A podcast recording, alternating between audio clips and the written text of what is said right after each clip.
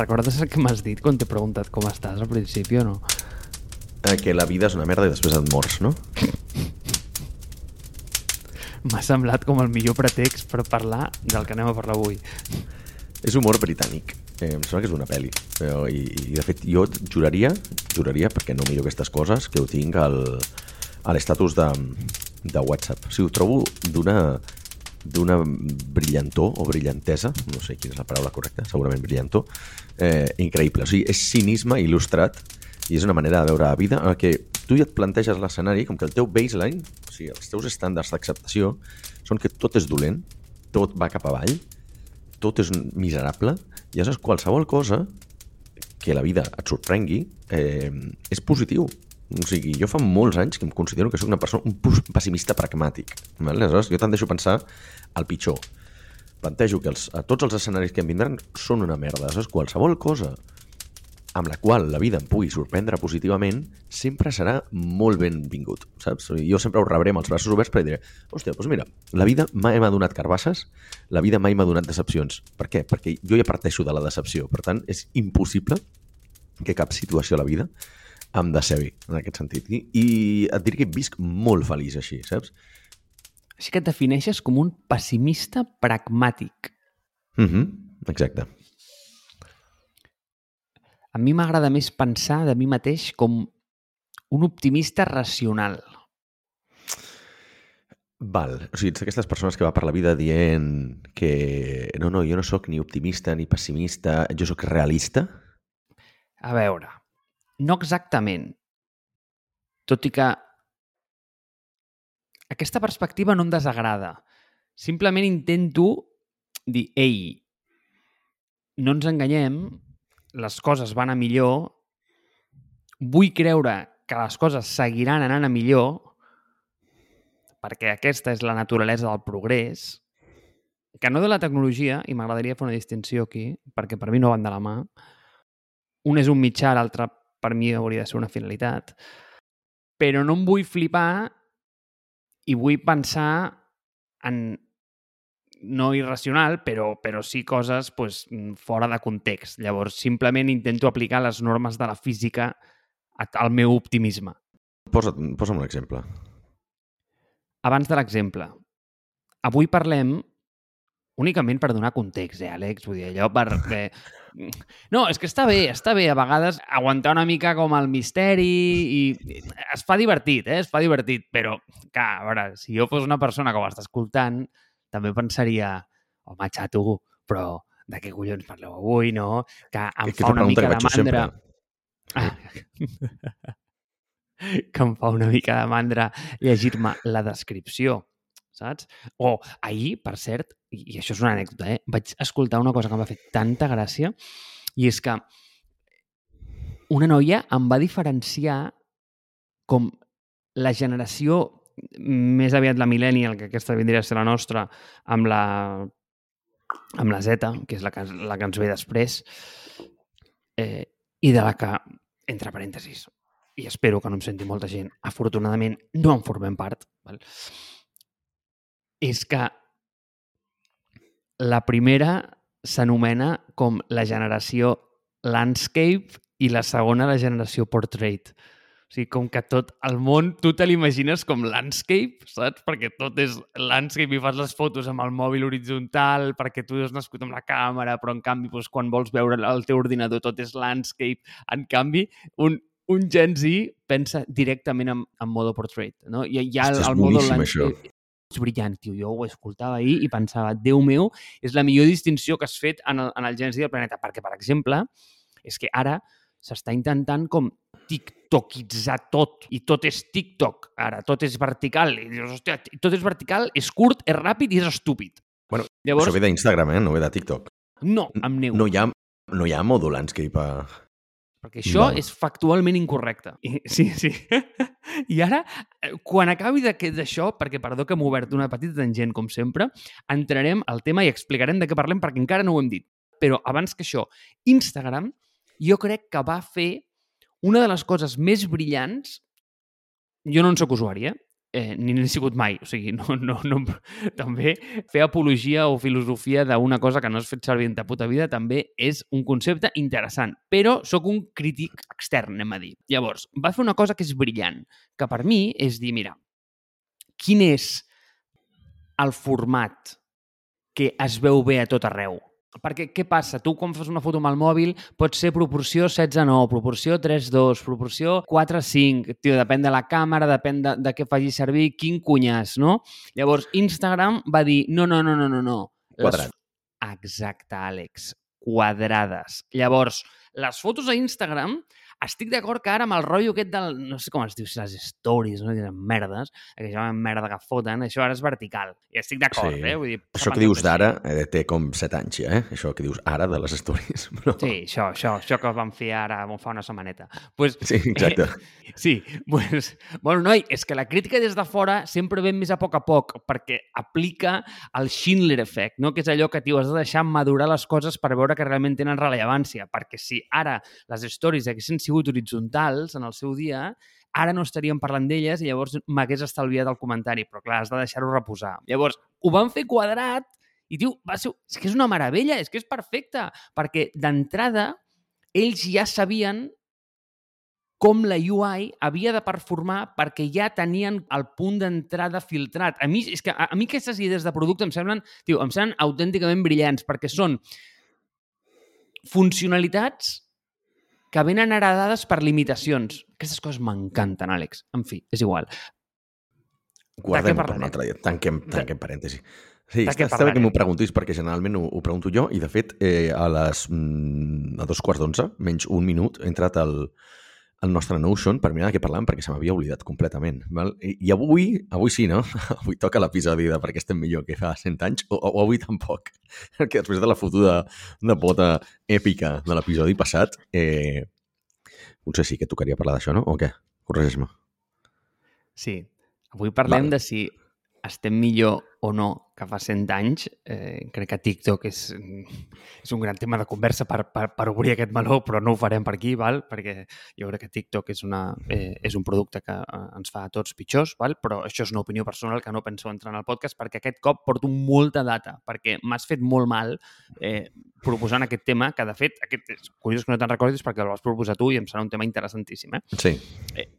i, i, i porto és que m'has fet mal, Àlex, tio, perquè porto molta data, perquè és un tema que em fascina i, hòstia, aquesta setmana he fet una recerca del flipar. O sigui, és que crec que tinc massa data que no podré donar, la posaré a les notes, val? perquè és que tinc molta i, i tinc com molts recursos i moltes coses, però també cal avançar que aquest és un episodi doble, cosa que també és molt interessant. És un episodi doble perquè ve de la mà del següent, que encara no hem gravat, però gravarem, que són quins productes ens agradaria que existissin, però no existeixen. O, I podrien existir.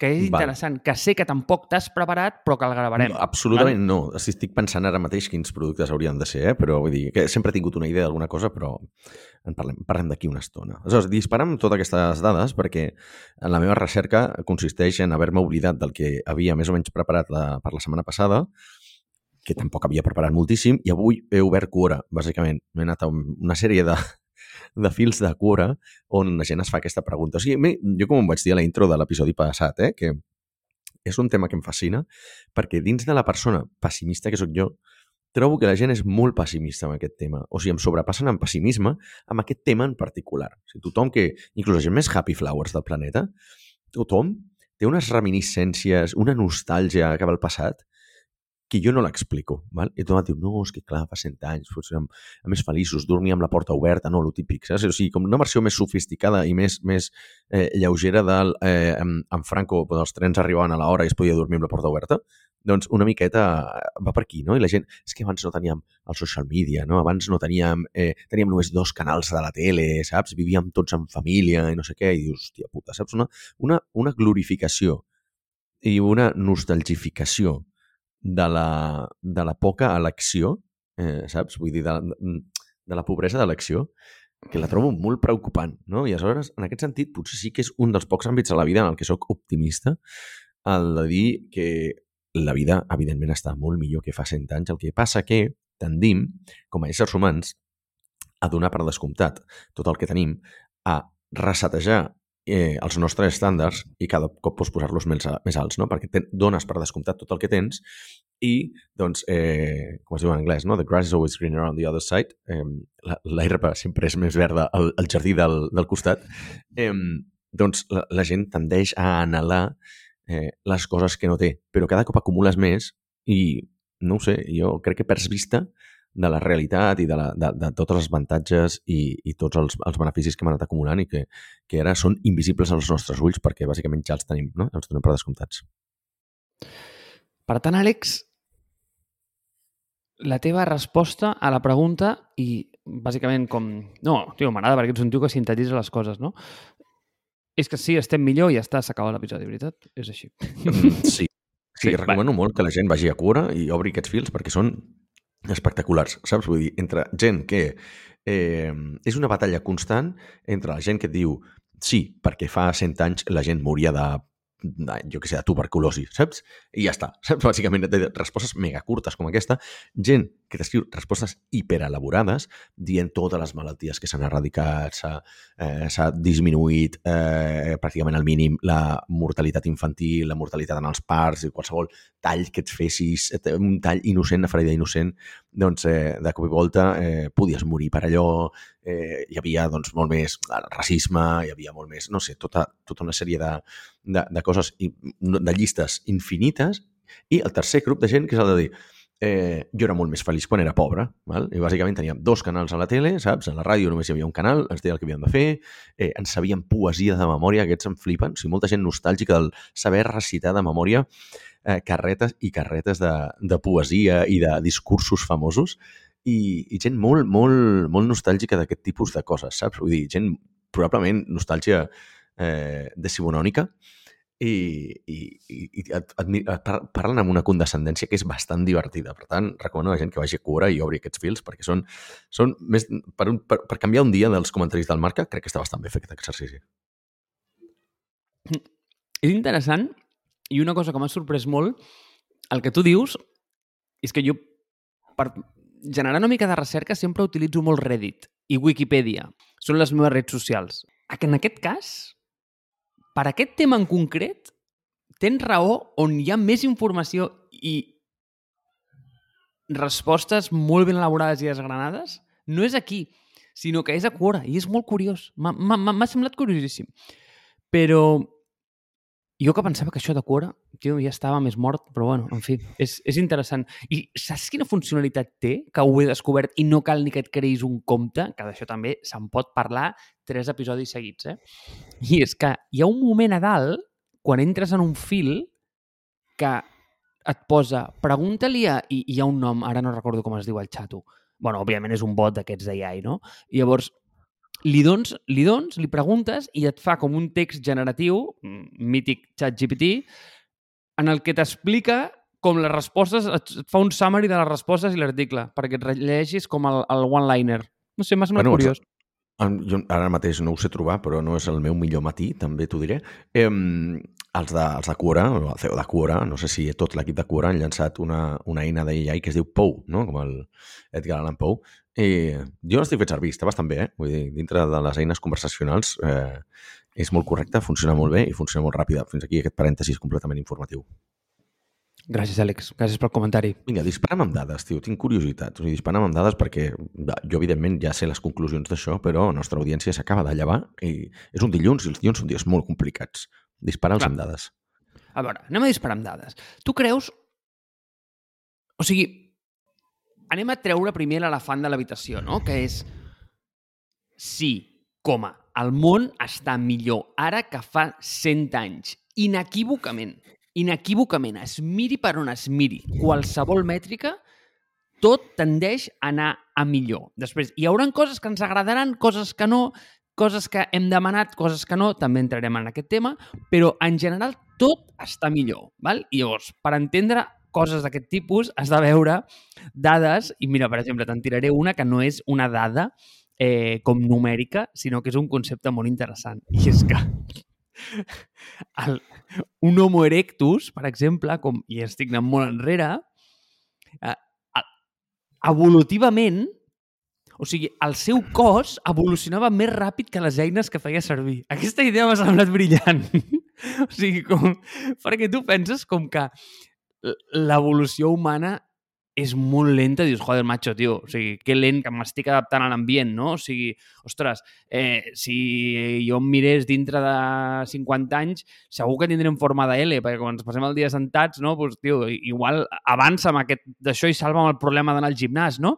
Pues no, tio. Com a Wally, no? Sí, sí, exacte, exacte, exacte, igual, igual. Pues, pues, és que és el mateix. O sigui, al final, ostres, és que si veus, l'Homo erectus, o sigui, la seva evolució era més ràpida que la de les eines que utilitzava, cosa que, cosa que m'ha semblat com dient, Déu meu, però com pot ser això, no? O sigui, que neixis i moris amb les mateixes eines.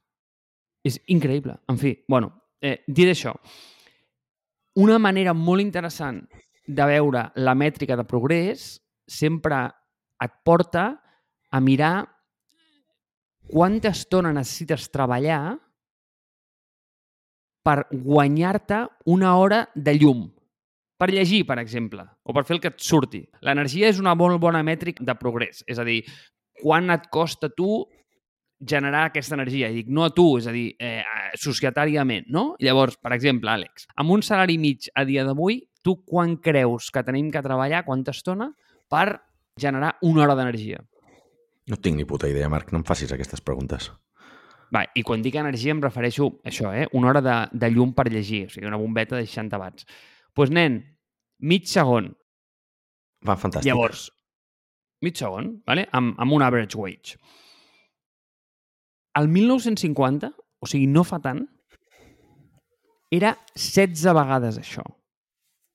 El 1880, fa un any, ai, fa un any, fa un segle, un segle i mig, havies de treballar 15 minuts. O sigui, havies de... Tu imagina't, eh? A mi em fa molta gràcia el concepte de com de tenir una lampareta al costat, petita per llegir.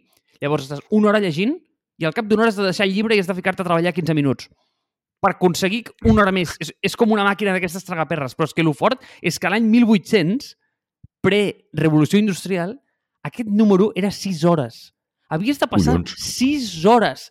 O sigui, tu t'has d'imaginar. O sigui, t'has d'anar a la fàbrica 6 hores a treballar, llavors tens dret a anar a casa a llegir una hora, però ja està, has de tornar, perquè se t'ha acabat el crèdit. I més et Ja. val que no facis res. O sigui, que no cuinis mentre. Perquè si cuines, allò també computa, eh, xato? I computa molt, eh? Perquè aquella energia també es compta. És acollonant. Em va semblar fascinant. És bona mètrica. No hauria arribat jo mai a aquesta conclusió, eh? també t'ho dic. No, tio, no és meva, o sigui, és recerca. Vull dir, no, no, no l'he computat jo a la mètrica, però gràcies, Àlex, t'ho agraeixo molt. Llavors, simplement com, com, com per entendre una mica vull dir, de què estem parlant, no? O sigui, absolutament el que tu has dit, no? Des de l'any 1950, que dius, ei, tio, que no fa tant, vale? que no fa tant, eh, el life expectancy, o sigui, com, com es diu això en català? L'expectativa de vida. Sí, diria que sí, expectativa de vida, sí. ha augmentat en un terç. És una borrada, amb 70 anys. I ara no et començaré a tirar com la, els números, no? Però és que si no es fa molt avorrit per la gent, jo crec. Però hi ha una dada que és molt interessant i aquesta sí que suggereixo que la gent la busqui perquè és molt divertida i és quan... O sigui, amb la recerca que hi ha, com...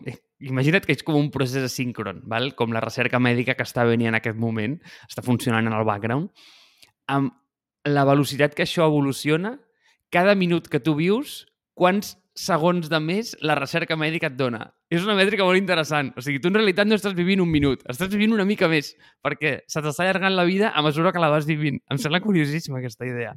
Però, per exemple, l'income mig eh, per càpita, hòstia, eh, ajustat per inflació, a nivells globals, eh? a nivells globals, des de l'any 1950 ha fet un per 3. És una borrada. És que és una borrada. Mètriques, però tan tontes, eh? La desigualtat, homicidis, absolutament tot està trailing down. Llavors, aquí hi ha diversos factors que són interessants computar, val? perquè, eh, evidentment, eh, tot és bo, però hi han cosetes, no? La primera cosa és que... I...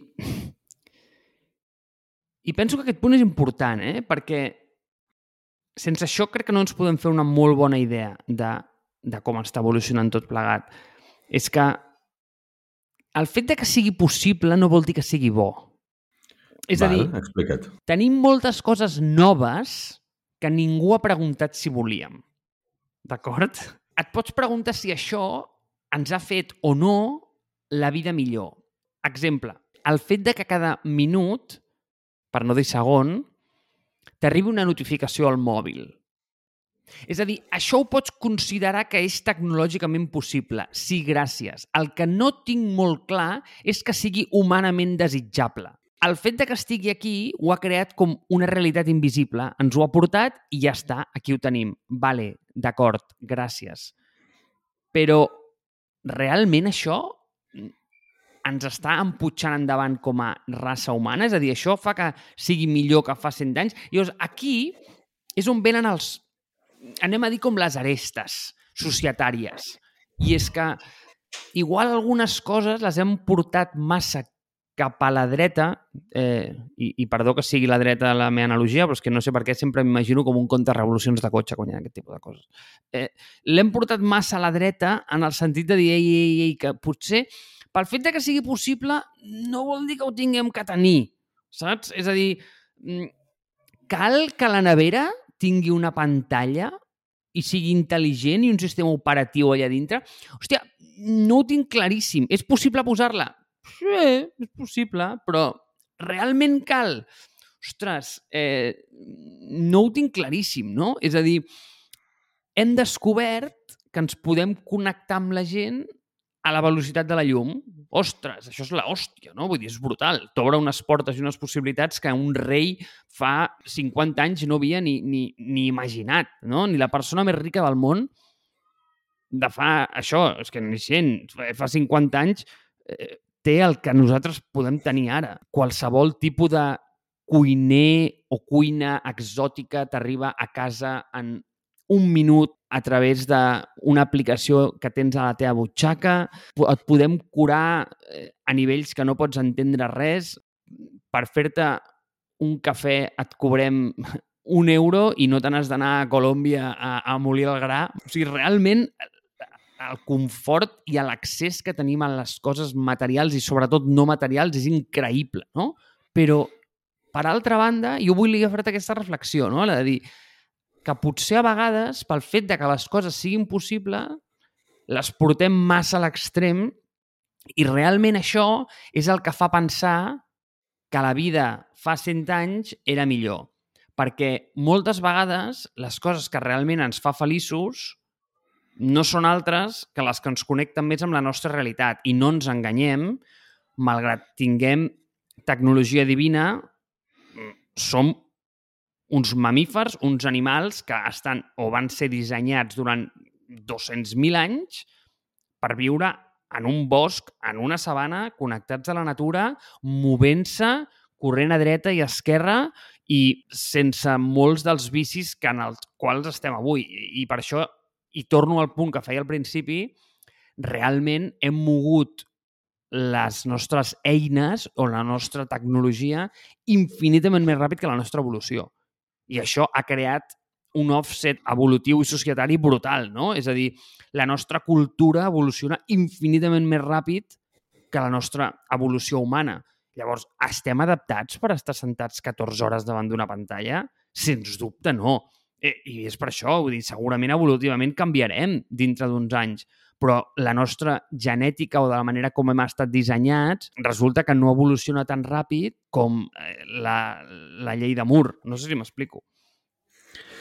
Sí, i d'alguna manera em fa pensar que aquesta, el que direm, no? O sigui, com que ens acostem a l'era de la singularitat, no? Aquesta exponencialitat que ha sortit més d'una més de, vegada en episodis anteriors, em fa pensar en una mètrica que, que potser no té sentit, eh? perquè estic una mica improvisant, però crec que una bona mesura del progrés és que cada vegada és més curt el període pel qual ara podem viure, o sigui, pots viure com vivia la noblesa, la reialesa i l'aristocràcia de generacions anteriors. Val? És a dir, nosaltres ara vivim com la, la tu i jo tenim les coses que tenia la noblesa probablement de fa 50 anys, per dir alguna cosa, no? Però la gent de fa 50 anys va, trigava molt més a viure com la noblesa de 100 anys enrere, o 50, no? Cada cop el delta es va fent més gran a mesura que tires cap enrere. I, hòstia, no sé fins a quin punt eh, accelerar, accelerarem això tant que la societat passarà, passarem tots a tenir-ho tot per descomptat. Eh? Evidentment, tu i jo vivim en tecnologia, vivim en països desenvolupats, etc etc. per tant, agafem-ho amb pinces, eh? sempre tinguem en compte aquest, aquest viatge. Però lligat amb el que, amb el que, amb el que comentaves, o sigui, d'aquestes coses que són superflues, a mi em costa molt, per exemple, desgranar de d'aquestes derivades, són, crec que són derivades de primer ordre, no? El que deies tu, el, hòstia, tenim neveres, són intel·ligents, ens serveix la pantalla? És a dir, això ens, fa, ens propulsa cap endavant com a societat? No ho sé, però probablement són invencions que o acabaran a la paperera de la història o bé són un pas intermig. I, o sigui, aquest pas intermig són aquelles coses que no saps, perquè indirectament et fan trobar una, una cosa que et fa fer un salt evolutiu. Val? Aleshores, tu imagina't que ara, per alguna cosa, per cola tota la societat el tema de les neveres intel·ligents, tothom en fa servir, per alguna cosa s'inventa un protocol per interconnectar totes les neveres, això eficienta molt millor el delivery de les empreses d'e-commerce, supermercats, etc etc. i d'alguna manera d'allà en surt una evolució, no? una altra derivada d'això, que ens fa millorar com a societat. Però, si no ens haguéssim cregut a la història de les neveres intel·ligents, no hauríem arribat mai aquí. No? Per tant, és molt difícil mesurar en, en aquest estadi l'impacte de certes derivades. No? I només tenen sentit quan, quan, quan s'ha donat no? aquesta potencialitat. Eh, penso en, tot, en tots els invents indirectes, tipus la penicilina, no? Eh, eh, i, altres, altres eh, invents eh, tant tecnològics o descobriments científics que s'han trobat per error a la societat, no? I llavors dius, hòstia, de quina manera podríem ajudar a mitigar tots aquests errors i fer... Però clar, eh, si els mitigues, probablement també, o sigui, si els elimines, elimines aquesta, aquesta com es diu això, aquesta serendípia, eh, hòstia, ens perdem coses molt importants també de la societat, no? I per tant, mesurar l'impacte de si les notificacions al mòbil són una cosa positiva o negativa, que jo crec que tu penses que és una negativa, jo crec que és positiva perquè segurament és un, una stepping stone, no? és una pedra de pas per, eh, per la societat, no podem saber-ho, no pots calcular en un moment donat, no? Ho has de, ho has de fer de manera retroactiva i veure, hòstia, com s'ha arribat aquí, no? Com s'ha arribat, com s'ha arribat, per exemple, a la, a la forma dels, dels smartphones actuals. Quin paper va jugar, per exemple, eh, l'iPod Touch, val? que és una cosa que per a poca gent se'n recorda, però dius, hòstia, eh, igual el, el, els iPods d'Apple van tenir, van marcar el, com es diu això, el, el futur de, de, dels smartphones que tenim avui en dia a la butxaca, perquè telèfons mòbils n'hi havia hagut sempre, però eh, com, a, com, a, com a concepte de pedra de pas, que dius, hòstia, un, una cosa que tampoc la societat no necessitava gaire, no? portar música a la butxaca, i de cop i volta això ha fet que uns anys endavant eh, aparegui una tecnologia que ho ha canviat tot, que són els smartphones. No? Per això soc una miqueta escèptic amb el, amb el tema que comentes, eh? Mira, va, no només et compro la crítica personal cap a mi, perquè tens raó, val? Eh, moltes vegades... I mira fins a quin punt m'aplico la meva pròpia medicina, eh? Perquè si hi ha alguna cosa que de veritat, eh, intento fer molt i sé que a vegades soc, eh, soc l'avi del podcast que es queixa que tot està malament i que res funciona, val? però eh, intento, fer, intento fer com molt, molta introspecció i molta, i molta autocrítica. I a mi el que m'agrada molt pensar és... Mira, aquest episodi m'ha agradat molt perquè m'has deixat fer una cosa que és el meu plaer... No sé com es diu guilty pleasure, però això, val? el meu com, com plaer dolent. Val? Que, que només eh, que no t'agrada admetre en públic. És un plaer per tu mateix. Exacte, sí, no sé com es diu. de coses. Val. Doncs, eh, doncs aquest plaer que no és per públic és com posar-me cap dins de...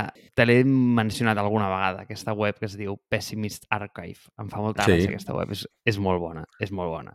I m'agrada mirar-la no només perquè em fa molta gràcia què pensava la gent de llavors de la tecnologia, on realment la gent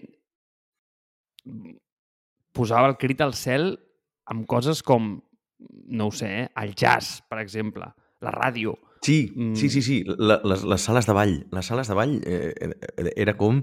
Eh, la gent que va a les sales de ball són satànics, bàsicament. Et converteixen al satanisme. Sempre és un exemple que poso, eh? com que qualsevol cosa, sobretot perquè és la típica crítica que tu i jo vam patir de petits, de si jugues a videojocs t'acabaràs convertint en un assassí en sèrie, o si escoltes metal eh, mataràs a gent, no? o jugues a rol, d'aquestes coses, vas tirant enrere amb el temps i tot el que és la gent més conservadora sempre ho ha aplicat a les coses que no entén. Val? I aleshores vaig arribar a un punt en el que ho vaig sentir en un, en un podcast i dia, és que això venia d'abans, del, ja no el rock and roll, que deien que era com música satànica i que induïa la gent a, a entrar en orgies i, i, i, i no sé, altres tipus de possessions sexuals, sinó que les sales de ball, tio, vaig flipar amb això, saps? Dic, clar, perquè segurament la gent més conservadora el que volia és que els diumenges, en comptes d'anar a la puta sala de ball, te'l passessis a l'església, saps? O treballant pel teu, pel teu amo i senyor. Clar, però a mi que em fa molta gràcia això, Àlex, és que, o sigui, no només és que hi havia gent que descartava aquest tipus de tecnologia, i quan estic parlant d'això estic parlant de coses com eh, la càmera fotogràfica, quan va sortir, els llibres, les vacunes, l'electricitat en si mateixa, el viatge en, els viatges en avió, mm, els miralls, o sigui, coses com que dius, ostres, eh, eh, és ok que les descartessin, però em fa gràcia entendre per què les descartaven. És a dir, quin era el motiu? No? Llavors, jo, jo què sé, de la mateixa manera que avui en dia tenim unes creences sobre alguns temes de, hosti, no, això és dolent per aquest tema, clar, jo faig el meu exercici de- d'empatia personal introspecció i dic, ostres, Marc, no seràs tu un pessimist archive d'aquests de l'any 2023 pensant que les notificacions són dolentes i el 2130 eh, si vingués algú aquí et diria tio, no siguis burro, que no veus el que has fet, quina cagada. Si les notificacions són la hòstia, si ens han permès això, no? Igual que, que, que just l'exemple que has mencionat de les pantalles en els, a les neveres. Jo per això convido a tothom que ho vagi a mirar perquè et dona com aquesta dosi d'empatia, no, no des del punt de vista de no, tot és bo, eh, tot s'ha de tirar endavant. No, però moltes tecnologies que avui donem per descomptades i que sense elles seríem probablement miserables o no tan... mm, És que no sé quina és la paraula, però en fi, eh, avançats, anem a dir, mm, o ajustats al nostre temps, i que ara donem per descomptades, en el seu dia dèiem doncs, ei, que les dones no podien anar en bicicleta perquè eh, em sembla que era que, saps, eh, les noies verges que tenen l'himen que deien que això, tio, Sí. que els trencava l'himen i era un acte satànic anar en bicicleta. Se'ls hi veuria les cames, no? Pel mateix, pel mateix Exacte, motiu que no que hi ha- podien portar minifaldilles i tot això.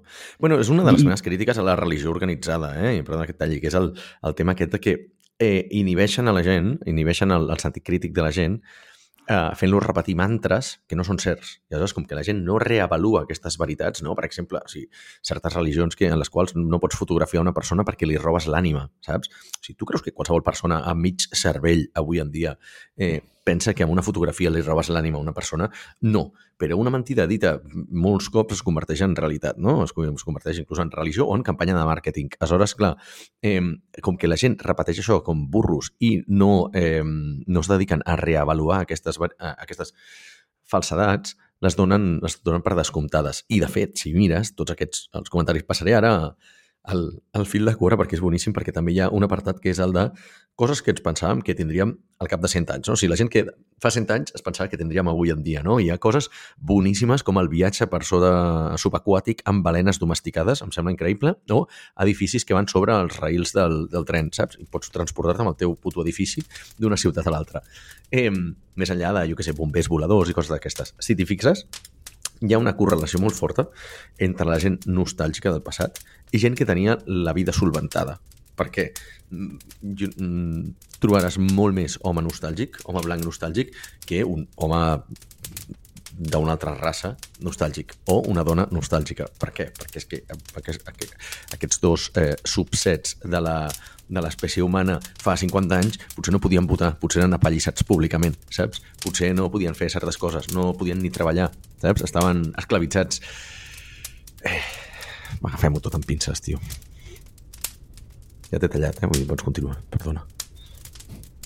No, és que justament aquest fil de quora em sembla com el millor passe cap al futur que li pots fer a l'episodi següent, que és el de...